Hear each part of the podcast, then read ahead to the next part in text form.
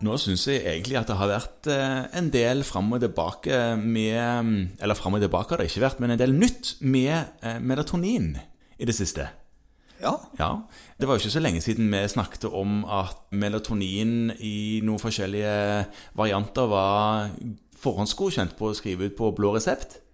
Og dersom du skrev en feil produsent, så fikk du beskjed om at eh, Det var vel ikke på blå resept, det var på hvit resept. Ja, at stemmer. Det var på hvit resept, ja. At uh, du burde skrive ut en som var uh, forhåndsgodkjent til markedsføring i Norge, og ikke en annen en, som du hadde skrevet ut, tilfeldigvis. Eh, men nå er det kommet noe enda Jeg måtte se to ganger, for jeg trodde det var den gamle nyheten som kom igjen. Men nå la jeg merke til at det var en oppdatering på legemiddellisten angående melatonin. Ja, det stemmer. Det har kommet en revisjon der den er jo kom 6. november 2020. Ja, så relativt ferskt. Innspillende stund, ja. Og det den sier, er at nå kan egentlig alle leger søke om refusjon for melatonin. Ja, men eh, på hvilke diagnosegrunnlag da? Ja, altså, er det tre, den er tredelt. For voksne Ja, så skal de ha søvnforstyrrelser ved ADHD eller ADD. Mhm. -hmm. Og da er det et krav om at de skal ha nedsatt dagtidsfunksjon. Det gjelder egentlig alle disse. Ja. Sånn at de blir på en måte trøtte, har humørsvingninger eller dårligere sosial fungering. ja Sånn at det, det skal være en viss alvorlighetsgrad i denne søvnforstyrrelsen. Det skal det være, og det skal være minst tre netter per uke. Ja, Eller døgnrytmen skal ikke la seg stabilisere. Så hvis de har en forsink, altså en sånn forskjøvet søvnfase, Ja, at de, kommer ikke seg i seng eller sovner ikke før tre og står opp klokken elleve.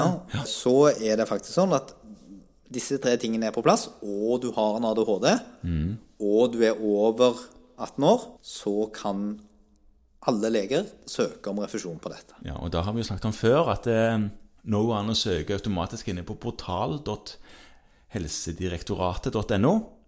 Hvis du er på Norsk Helsenett og logger inn med bypass eller lignende der, så kan du søke og enkelte ganger få automatisk umiddelbar svar på søknaden din. Ja, altså Hvis du har oppfylt alle kriterier, så kan du få svar tilbake igjen at dette går greit. Ja. Ja. Du må godta at du, at du godkjenner automatisk vurdering. Ja. Ja. Og så eh, er det del to, og det gjelder da Altså dette var de voksne. Der er det kun ved ADHD eller ADD. Og så er det ved barn opp til og med 17 år, som det står, altså før de fyller 18. Ja. Så er det da hvis de har epilepsi eller cerebral parese, Ja. så kan du søke. Og da er det et, eh, de samme kravene som for ADHD og ADD hos voksne, at de må ha nedsatt dagtidsfunksjon, og i tillegg enten tre dårlige netter per uke, eller at døgnrytmen ikke lar seg normalisere. Nettopp. Men ADHD og ADD-barnene, da? Ja, nei, De faller nok inn under den siste kategorien, og det er da søvnforstyrrelser hos barn og unge. Så søvnforstyrrelser nonstop uten tilleggsdiagnoser. Og Den eneste forskjellen på de og den andre gruppen vi snakket om, er at da må søvnforstyrrelsen ha vedvart i over tre måneder. Ja. Så i tillegg til det her med dårlig dagfunksjon og enten tre dårlige netter per uke eller søvnfaseforstyrrelse eller døgnrytmeforstyrrelse, Ja. så må du i tillegg ha hatt en tilstand som har stått i over tre måneder. Nettopp. Og hvis det har vart i over tre måneder, om det er pga. ADHD eller pga. andre ting, så kan du fortsatt søke om det. Det vedtaket vil jo da stoppe når de blir 18 år, Ja, men da kan du søke på ny på et annet grunnlag. hvis de har ADHD. Ja, nettopp. Ellers er det egentlig ikke mulig å søke. Nei. Og så er det jo igjen sånn at det skal jo sterke grunner til å få det gjennom hvis ingen av disse kriteriene er oppfylt. Da må du be om en sånn utvidet søknad, og de har jo vært vanskelig å få gjennom. Det har de.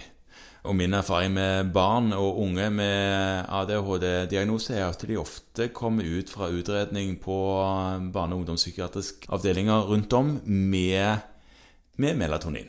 Ja, og det kan du nå da, hvis det ikke allerede er gjort, faktisk søke dekka Ja. på blå resept for disse pasientene. Veldig bra. Greit å vite om.